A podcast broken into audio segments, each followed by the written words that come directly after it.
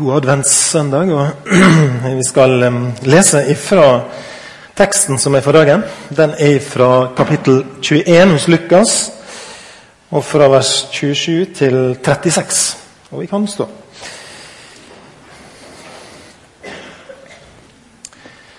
Da skal de se menneskesonen komme i skya med stor makt og herligdom.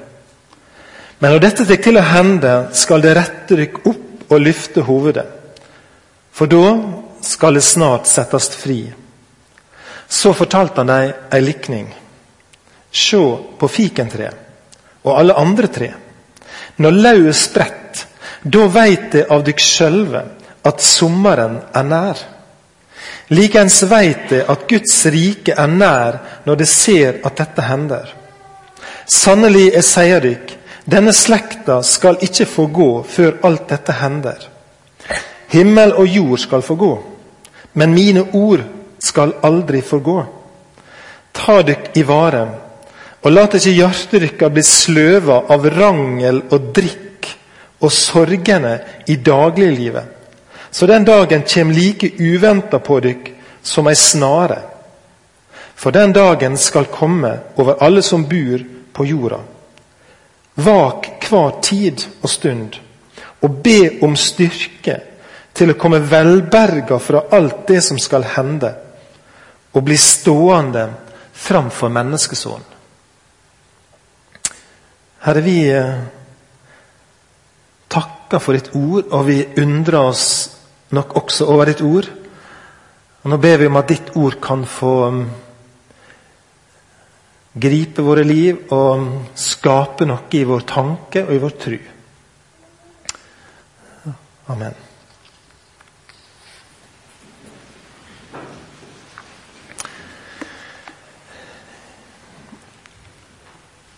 Jeg tenker at denne teksten her, dagens tekst, den inneholder kanskje et av de kraftigste ordene som står i Nytestamentet.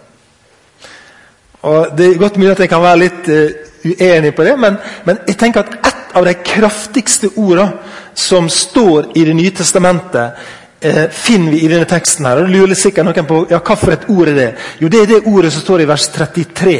Jeg syns det er så kraftfullt, og det er så svært. Himmel og jord skal forgå, men mine ord skal aldri forgå.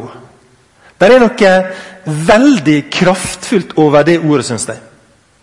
Det at himmel og jord det skal få gå, men det er noe som blir stående, og det er Jesus sine ord. Jeg syns det dirrer i den setninga. Det er nesten for svært til at jeg klarer å gripe det. For det er så langt ifra det som jeg tenker sånn, eh, på til daglig. Jesus sier iallfall én ting med det. Han sier mange ting, men noe av det han sier Du kan stole på det jeg har sagt. Du kan være trygg på at det jeg har sagt, det kan, det kan vi stole på. Det som Jesus har sagt. Vi tenker at hva er et ord på en måte noen ganger? sant? Altså, hva er det? Hvor mye, hvor mye er det verdt? verdt? Hvor mye veier det? Hva er et løfte? Jeg leste bl.a. om en, en, en blå eh, politiker her for ikke så lenge siden som, som skrev og omtalte den rød-grønne regjeringa som løftebruddregjeringa. Eh, hadde kommet fram til at de hadde brutt 88 løfter siden Soria Moria. Det er nok en stund siden den, den sto å lese. Men det var løftebrudd som han ønska å betegne Eller det var ei kvinne, da, eh, visstnok fra Askøy, jeg skal ikke si noe mer om det. Men hun var veldig blå. Eh, Iallfall godt blå. Eh, og vi bryter løftet tenker vi, og vi opplever det. Og regjeringa gjør det, ifølge denne dama her. Eh, og mennesker som står for Guds ansikt når en inngår ekteskapet, sier vi skal være sammen i gode og onde dager, til døden skiller oss. Og Innenfor Gud så lover vi det. I tjukt og tynt skal vi være sammen. Og likevel så, av en eller flere grunner, da, så bryter halvparten av de som lover dette, de bryter dette løftet og bryte opp ifra det de har lovt hverandre. Eh, og Vi tenker kanskje sånn er det. Et ord, et løfte, er kanskje ikke all verden verdt Vi er på en måte blitt, blitt indoktrinert på det. Men, tenker vi, fjella, de står, tenker vi. De kan vi stole på. De rikker seg ikke. De blir stående, slik som Ivar Aasen sa det. sant? Ikke så ofte vi siterer han i Betlehem, men han sa jo det. De gamle fjell i syning om, sant? er alltid eins å sjå. Med same gamle bryning om, og same toppom på. Oversatt til eh, norsk, eller? Det betyr at de står der. Fjellene står der, og toppene er der. Og Det er ikke noe forandring på det, tenker Ivar Aasen. Toppene ser ut slik som vi husker dem, og de ligger der. Ulriken ligger der i dag. Når jeg kjørte over eh, Puddefjordsbrua, så så jeg opp på Ulriken, og han lå der. Og han så ut sånn som han så ut i går og i forgårs og for mange år siden. Og det samme med Damsgårdsfjellet og Løvstakken. Jeg vet ikke alle fjellene rundt her. sant? De ligger der, tenker vi. Det er trygt. De forandrer seg ikke. De ser slik ut som de har gjort. Og så er det at Jesus snur opp ned på hele denne tenkninga. Og Det er det som jeg kjenner, det er så, det er så kraftfullt. Og så sier han det motsatte. Han sier at det, det dere tror skal bestå, og det som dere ser står her i dag, det skal en dag få gå. Og ord som vi tenker kanskje ikke veger så veldig mye, det sier Jesus, det skal aldri få gå. Altså Mine ord de skal aldri i evighet forgå. gå. Men det rundt dere, det skal falle. Himmel og jord skal forgå. gå. Det hadde jo vært veldig spesielt å våkne opp om morgenen, og så var hele Ulriken vekke. Hadde det? Eller dere som bor på Damsgårdssida. Plutselig hadde dere kveldssol fordi Damsgårdselva var vekke. Jeg sier at ikke folk skal bo der, men, men de har ikke kveldsord. sant? Og vi tenker at det, Sånn vil det være alltid. Nei, sier Jesus. Det vil ikke være sånn alltid. Det er noe som skal få gå av det som vi tenker er fast. Og Levi Petrus han skrev den sangen for, for ca. 100 år siden. Løftene kan ikke svikte. Nei, de står evig fast. Jesus hvert ord har beseglet den gang hans hjerte brast. Himmel og jord skal brenne. Høyder og berg forsvinne. Men den som tror, skal finne. Løftene rokker seg. Og det, det er akkurat det Jesus sier. Det er noe som skal forsvinne, og det er noe som skal bli stående. Og mine ord, sier Jesus, de blir stående. Jeg sa det innledningsvis, at jeg opplever at dette er et av de sterkeste ordene i denne teksten. Kanskje et av de sterkeste i, i Nytestamentet. Eh, det Jesus sier her. Og det ordet som Jesus taler der, det er en garanti. Det er en garanti for innholdet i dagens tekst. Okay? Når Jesus sier det han sier, så sier han jeg garanterer at det som jeg sier i dag, det vil skje.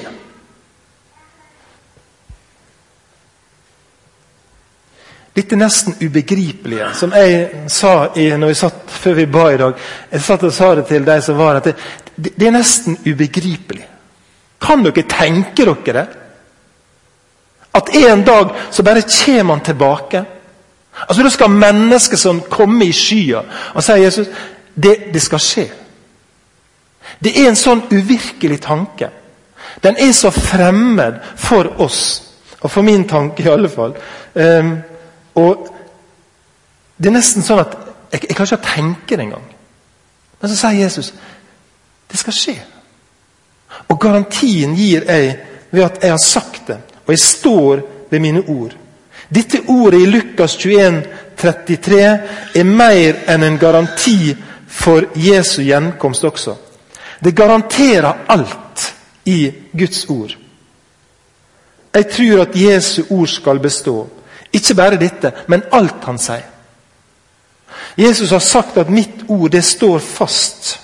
Hvert et eneste løfte som er blitt gitt. Og Forrige søndag så talte jeg om eh, når Jesus sto i synagoga i Nasaret. Og Jesus sto foran folket, og så las han opp fra Jesaja 61 om hva som var oppdraget til Jesus. Og så sier han når han er ferdig å lese I dag sier han, har dette ordet gått i oppfylling foran øynene deres. I dag skjedde en oppfyllelse. Og På samme måte er det med alle andre løfter dere. Hvert et eneste løfte, hvert et eneste ord i, eh, av Jesus og i Guds ord, så skal det en dag bli oppfylt. Himmel og jord skal få gå, men mine ord de skal aldri få gå. Det er en garanti for ethvert løfte. Jeg kjenner jeg nesten redd, blir nesten redd meg sjøl hvor lite det tar tak i meg. på en måte. Fordi det er så svært. Det er så svært, det Jesus taler om. En dag så skal han bare sette en strek for alt liv på jorda. Det er en ufattelig, uvirkelig tanke. Og samtidig jeg bekjenner meg til det, og vi har bekjent det for hverandre. Jeg tror at Han som får opp til himmelen, skal komme tilbake for å dømme levende og døde. Jeg tror på det. Og jeg sier det sånn I trua på dette ordet så legger jeg hele livet mitt. Jeg legger livet mitt i hendene på Han som sier at Hans ord skal bestå. Jeg tror på Han. Jeg stoler på ham. Jeg legger det i hans hender. Jesus har sagt dette sjøl ved flere anledninger. Noe av det siste han sa til læresveinene, står i Johannes 14. Første verset i Johannes 14 så sier Jesus La ikke hjertet deres uroast. Tru på Gud og tru på meg. I huset til far min er det mange rom. Var det ikke slik, hadde jeg da sagt dere at jeg går og gjør klar en stad til dere? Altså, det er akkurat som Jesus spør altså, Tror dere jeg har sagt det hvis jeg ikke mente det? Tenker dere det at jeg sier noe, så mener jeg det ikke? Det er akkurat som Jesus vil forsikre deg om at det han sier, det mener han. Det er sånn som jeg sier det. Og så fortsetter han. Og når jeg har gått bort og gjort klar en stad, kjem jeg att og tek dykk til meg, så det skal være der jeg er. Det er Jesu budskap. Og det er ikke til å ta feil av. Det er enkelte ting som vi kan synes er vanskelig, og jeg synes det er flere ting som er vanskelig i forhold til det med Jesu gjenkomst. Det er flere ting som er vanskelig i forhold til de tegnene som skal være. Det som skjer. Det å tolke tidene. Jeg synes Det er mange ting som er vanskelig, men det er noe som jeg synes er lite vanskelig. Eller det er helt uproblematisk. Og det er det at Jesus er tydelig på 'Jeg vil komme'.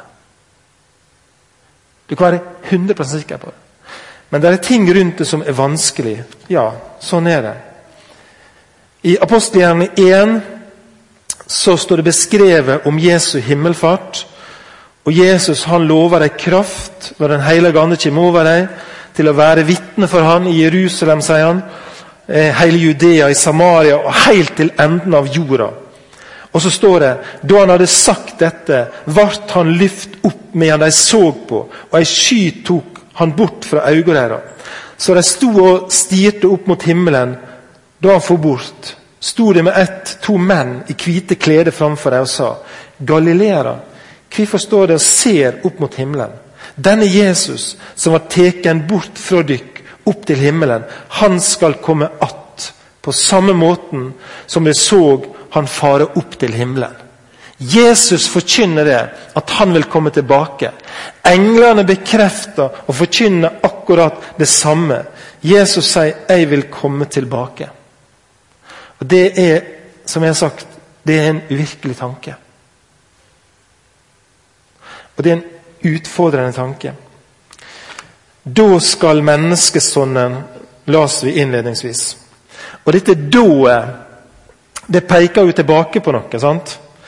Det er noe som står i de foregående versene, som der er sagt noe om hvordan situasjonen skal være. Hva som skal skje eh, med tegn på himmel og i stjerner. Det er sagt noe om eh, larmen fra hav og brottsjøer. Jeg skal si litt mer om det. Men det, det er det som er bakteppet. Det skjer noe som skaper redsle. På jorda skal folka bli grepne av redsle og rådløse i larmen fra hav og brottsjøer, står det. Altså, det skal skje ting som oppskaker folk, og som skaper frykt hos folk. Um, og vi trenger å be om styrke, sier Jesus, til å komme velberga gjennom det. Og igjen, det er ganske uvirkelig. Og Samtidig er det kanskje ikke så virkelig. For vi ser og har sett også siste ukene eh, både det fascinerende og det skremmende ved dette her som sto om hav og brottsjøer. En brottsjø, hva er det for noe? Det er ikke en sjø som ligger ute i en eller annen plass i geografien. Men en brottsjø, det er ei bølge som er så bratt at hun brekker. Sånn det. Jeg har lest om at det går an for den som eh, har greie på Er det anvendt matematikk eller noe sånt? Jeg tror han, eh, han, han Det er en her i forsamlingen som driver tar en doktorgrad på det. Anvendt matematikk. Eh, det går an å regne ut hva som skal til for at du skal få en brottsjø. sant? Det finnes formler for sånt. Hvor tid ei bølge brekker. For hun blir jo ikke så høy at hun aldri stopper. På et eller annet tidspunkt så brekker hun. sant? Det, det skjønner vi. Og en brottsjø er noe sånt. Noen veldige greier som brekker. Um, og Det er sånne bølger vi ser når disse her surferne på Hawaii leker seg med. sant? Og bølger bryter, og så går de inn under den. Og det er sånne bølger jeg håpet jeg skulle få se når jeg var på tur opp på Stadlandet for noen uker siden. Ut i um, Hoddevika, som det heter. Der er et senter for surfing. Men det var, det var liksom ikke det store vind, eh, eller bølgen den dagen der. Men brottsjøer er skumle. Og vi skal bli grepet av redsel over det, sa Jesus. Brottsjøa er ikke til å spøke med. Det var en brottsjø som tok disse filmskaperne ned i Egersund forrige helg. Det kom en brottsjø og tok dem. Og Brottsjø er av dikteren Trygve Bjerkreim brukt som et bilde på døden. Når han skriver i sangen han tek ikke glansen av livet, så skriver han i vers 4.: Han fører deg frelst over fjorden, helt fram til den himmelske strand. Når døden sin brottsjø deg du møter, vil Jesus dra båten i land. Men det å møte en brottsjø, det er ikke noe spøk. Og Det blir brukt som et bilde på døden. Og mennesket skal oppleve det. Hav skal røyse seg, sier Jesus. Brottsjøer skal gi oss redde. Og Så vet vi også det at det, hav er Bibelen brukt som et bilde på mennesket. Og Jeg kan være redd for det våte havet. Jeg kan holde meg unna det våte havet og det kalde og dype havet som vil sluke meg. Eh, og så kan jeg tenke at det, ja, kanskje skal vi erfare at mennesket er som et hav. Jeg kjenner jo litt på det når jeg ser bilder fra litt andre plasser i verden. Når menneskehavet røyser seg. Har vi sett det? Og demonstrerer. Når menneskehavet kommer imot et eller annet diktatur eller system, så, så, så brekker det innover. Og gjør at det skaper en ny situasjon. Og si, Ta livet av diktaturet. Og det skal vi jo være glad for. Men Eh, Brottsjø tenker jeg, kan også være som et bølge av mennesker som kommer og brekker seg innover. Da skal, da skal de se menneskesonen komme i skya, står det. Med stor makt og herligdom. Men når dette tar til å hende, skal det rette dere opp og løfte hovedet, for da skal det settes fri. Det er altså noe som vil skape dramatikk, som vil skape frykt. Mennesket skal få gå. Og samtidig må jeg si det den som tror, og den som bekjenner seg til Jesus, har ingen grunn til frykt, dypest sett. Det som skjer, er ikke et uttrykk for at Gud har mista kontrollen. Men det som skjer, er forutsagt og Vi skal gjenkjenne på at han har sagt noe til oss, og så skal vi få vite det. Når vi tror på han, så slipper han oss ikke. Så går han ikke fra oss. Så fortsetter Jesus den teksten der. Eh, og da så jeg for meg, Det var akkurat som Jesus tok et, et nytt lerret. eh, og begynte å male et nytt bilde i teksten. Et annet bilde som ikke var sånn som det forrige bildet. Han maler et bilde som er en slags kontrast. Og Så sier han 'se på fikentreet' og alle andre tre. Når lauet spredt, da veit det av dykk sjølve at sommeren er nær. Og likeens veit det at Guds rike er nær når det ser dette hender.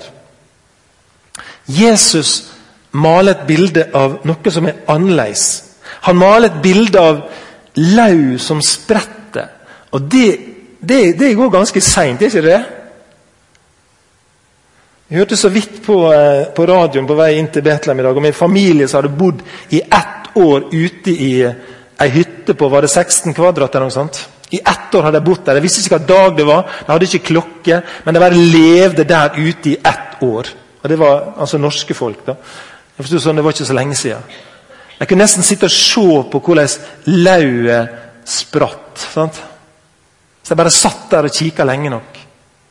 Og Det er det Jesus nå maler et bilde av. Ikke en dramatikk med bølger som bryter. Ikke lyn som flerrer over himmelen. Men han maler et bilde av et fikentre og et løv som spretter. Og så sier han det varsler sommer. Så kjenner jeg at det, det er noe helt andre farger, helt annen stemning, helt andre lukter i det bildet som Jesus nå maler. Han taler jo om fikentreet flere plasser i Bibelen. En plass så går han forbi. Det er faktisk i, i, i samme dag som dagens tekst er henta fra. Hvis vi leser i Matteus 21, skal ikke slå opp det, men han går forbi et fikentre der det bare er lau på. Eh, og, og eh, Aldri skal du eh, bære frukt mer, sier han. Og så visner det med en gang. I Lukas 13 så er det samme problemet. Et tre som ikke bærer frukt. Og Han som eier det, han vil fjerne det. Han syns ikke det skal stå der og utarme jorda. Men gartner sier la det få stå litt til. La det få stå litt til. La meg få stelle det et år til og prøve å få frukt på det. Altså Jesus bruker fikentre som bilde flere plasser. Og fikentreet blir brukt som et bilde på jødefolket. Når dere ser ting som skjer med jødefolket, blir det sagt.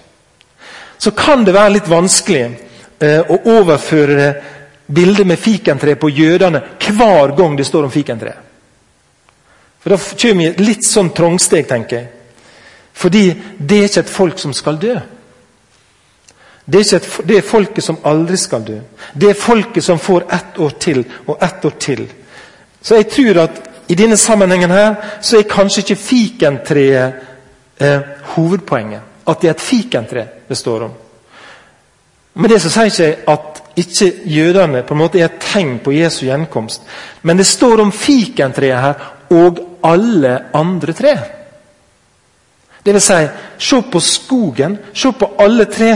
Når lauet spretter Jeg tror det er hovedpoenget.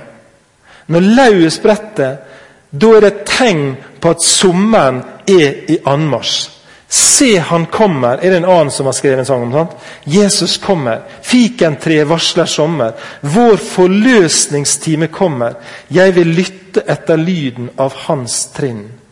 Fikentreet og alle andre tre, når det spretter i lauet, så sender de en melding som det ikke er til å ta feil av. Vi trenger ikke klokke og vi trenger ikke kalender. Vi ser det. Da er sommeren nær, sier Jesus. Som en kontrast til det veldige havet. Som en kontrast til brottsjøer. Som en kontrast til mørke skyer. Så sier Jesus noe om sommer. Og Jeg kjenner at jeg syns den tanken er veldig god. Fordi vi lengter etter sommeren, er ikke vi det? Nå er jeg bikka over. Jeg sa det forrige søndag at jeg hadde noen få dager i jubelår igjen. Nå er jeg kommet over i mitt 51. år. Sant? det kan hende er det litt sånn at jo eldre vi blir, er det sånn, så lengter vi mer etter sommeren. Jeg er helt dønn ærlig og sier jeg savner ikke ei snøfylle. Jeg savner ikke en kuldegrad. Jeg savner ikke en snøstorm. Jeg higer ikke etter høststormer. Jeg lengter ikke etter mørket. Jeg vil ikke at det skal være mest mulig nedbør. Jeg vil ikke at treet skal stå der som noen sure, gretne mannfolk. Uten blad på seg. Men jeg kjenner det Jeg lengter litt etter sommeren. Kjenner dere det? Bare innrøm det. Det er jo derfor dere reiser til Syden. Vi er jo avslørt. Det er jo derfor vi lengter etter Nordmenn rømmer ifra regnet. Og bruker millioner på millioner for å oppleve ei vike, to viker, tre viker. Jeg hørte noen her en dag som skulle kjøre foreldre skulle være fem måneder i Syden. Fordi det er sommer. sant? Så jeg kjenner at Jesus han kommer og sier vet dere det? Når jeg kommer tilbake, så ligner det på sommer. Det er ikke kulde. Det er ikke frost. Det er ikke mørke. Det er ikke død. Men det er sommer. Det er liv. Så kan du tenke på alle de tingene du bare klarer å tenke på. Alle de gode tingene som du klarer å tenke på med sommer. Og så sier Jesus det er det det går imot. Når jeg kommer, når lauvet spredt, da varsler det sommer. Jeg syns det er en flott tanke. Jeg gleder meg til sommeren. Jeg har det bra i dag, ikke noe med det. Men det er noe med å kunne ha den lengselen til sommeren. Og det er det Jesus sier. Når jeg kommer, da kommer sommeren. Og sola skal aldri gå ned. For Gud sjøl skal være lyset. Når skjer dette? Når er det på en måte sommeren bryter inn? Og Jeg, det, jeg syns det er vanskelig. Det er vanskelig å skulle sette opp en matematisk formel for Jesu gjenkomst. Det er ikke mulig. Det er mulig som sagt, å sette opp en formel for en brottsjø, men det er ikke mulig å sette opp en formel for Jesu gjenkomst. Matteus 24, 36 sier det. Men den dagen og timen kjenner ingen. Så. Det er ikke mulig å regne seg fram til det. Og Det står videre ikke englene i himmelen kjenner det. Og heller ikke Sønnen. Det er kun én som veit egentlig når den dagen er, og det er Faderen sjøl. Mulig jeg fortalte det før, men jeg holdt på å bygge hus i 1986. Høsten 1986 ble huset tett på Nedre Kipperberget 16.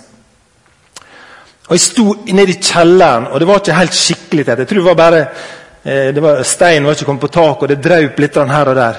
Så kommer en god venn av meg, og han er på seminar med Toralf Gilbrandt om Jesu gjenkomst. Han er på Borgen folkeskole, og der har det vært et kraftig seminar om Jesu gjenkomst. Han kommer inn der til meg. Jeg står nede i kjelleren på dette uferdige eh, huset der. Sant? Litt rått var det. Jeg har nettopp fått inn sikkert 100 baller med, med rockwool. Jeg skulle isolere den. Så Gunnar, bare slutt sånn.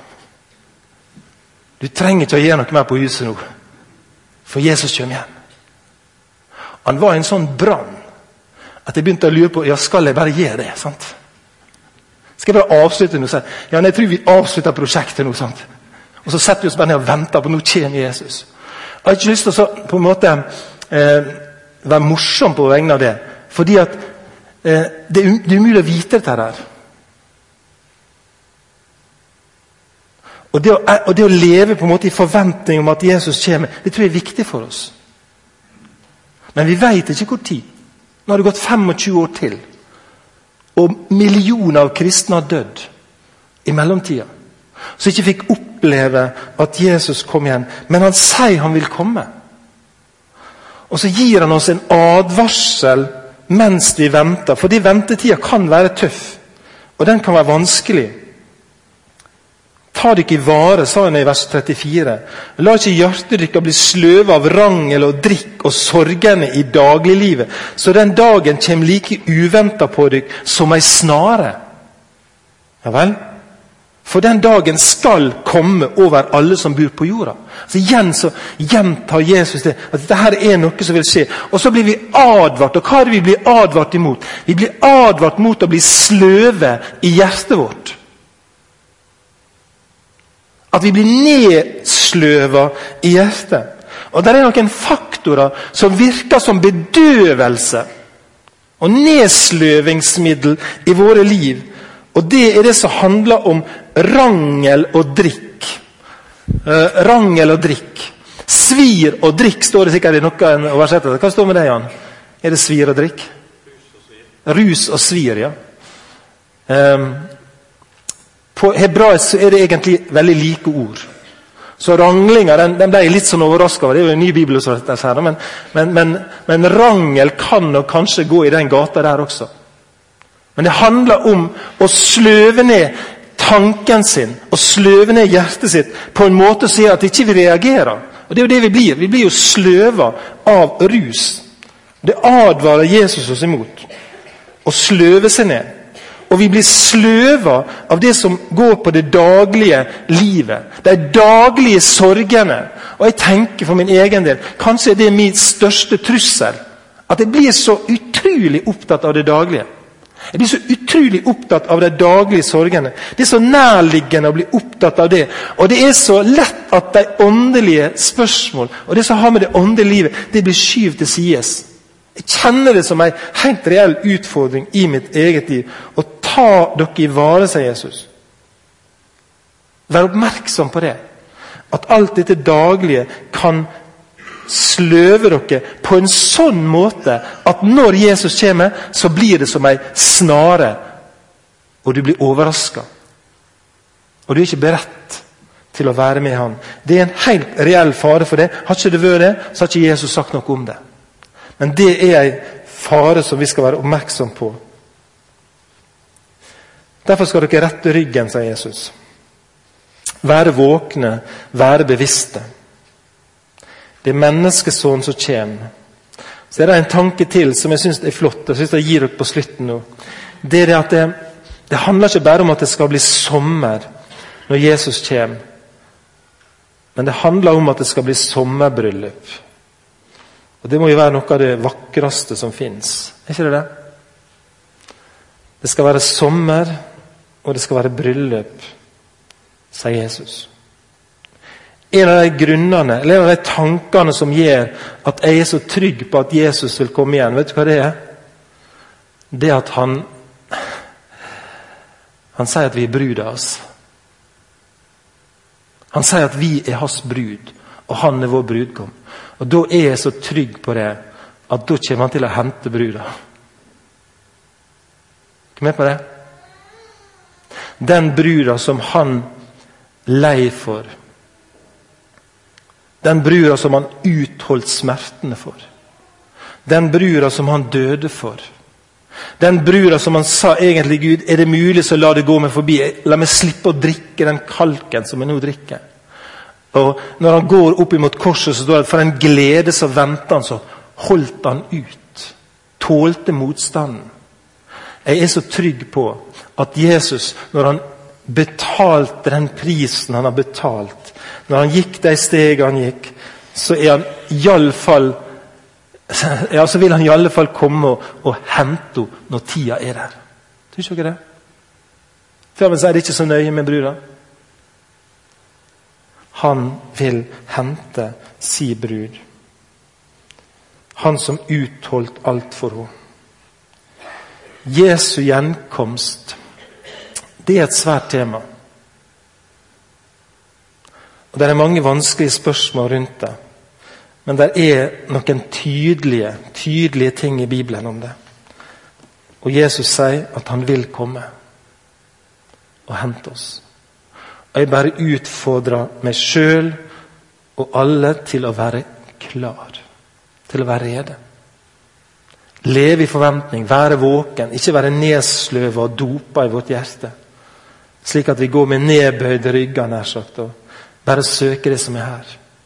At vi kan løfte blikket og si 'Kom, Jesus'. Kom. Som brud så ønsker jeg at du skal komme. så veit vi ikke dagen eller timen. Herre, vil du Vil du gjøre oss i stand til å møte deg, Herre, når du kommer?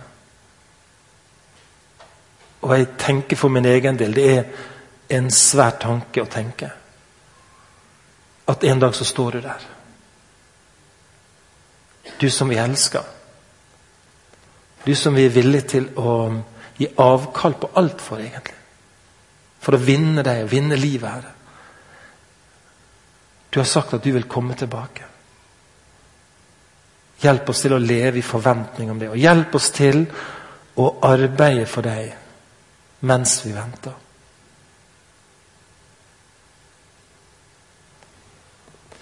Det ber jeg om i ditt navn. Amen.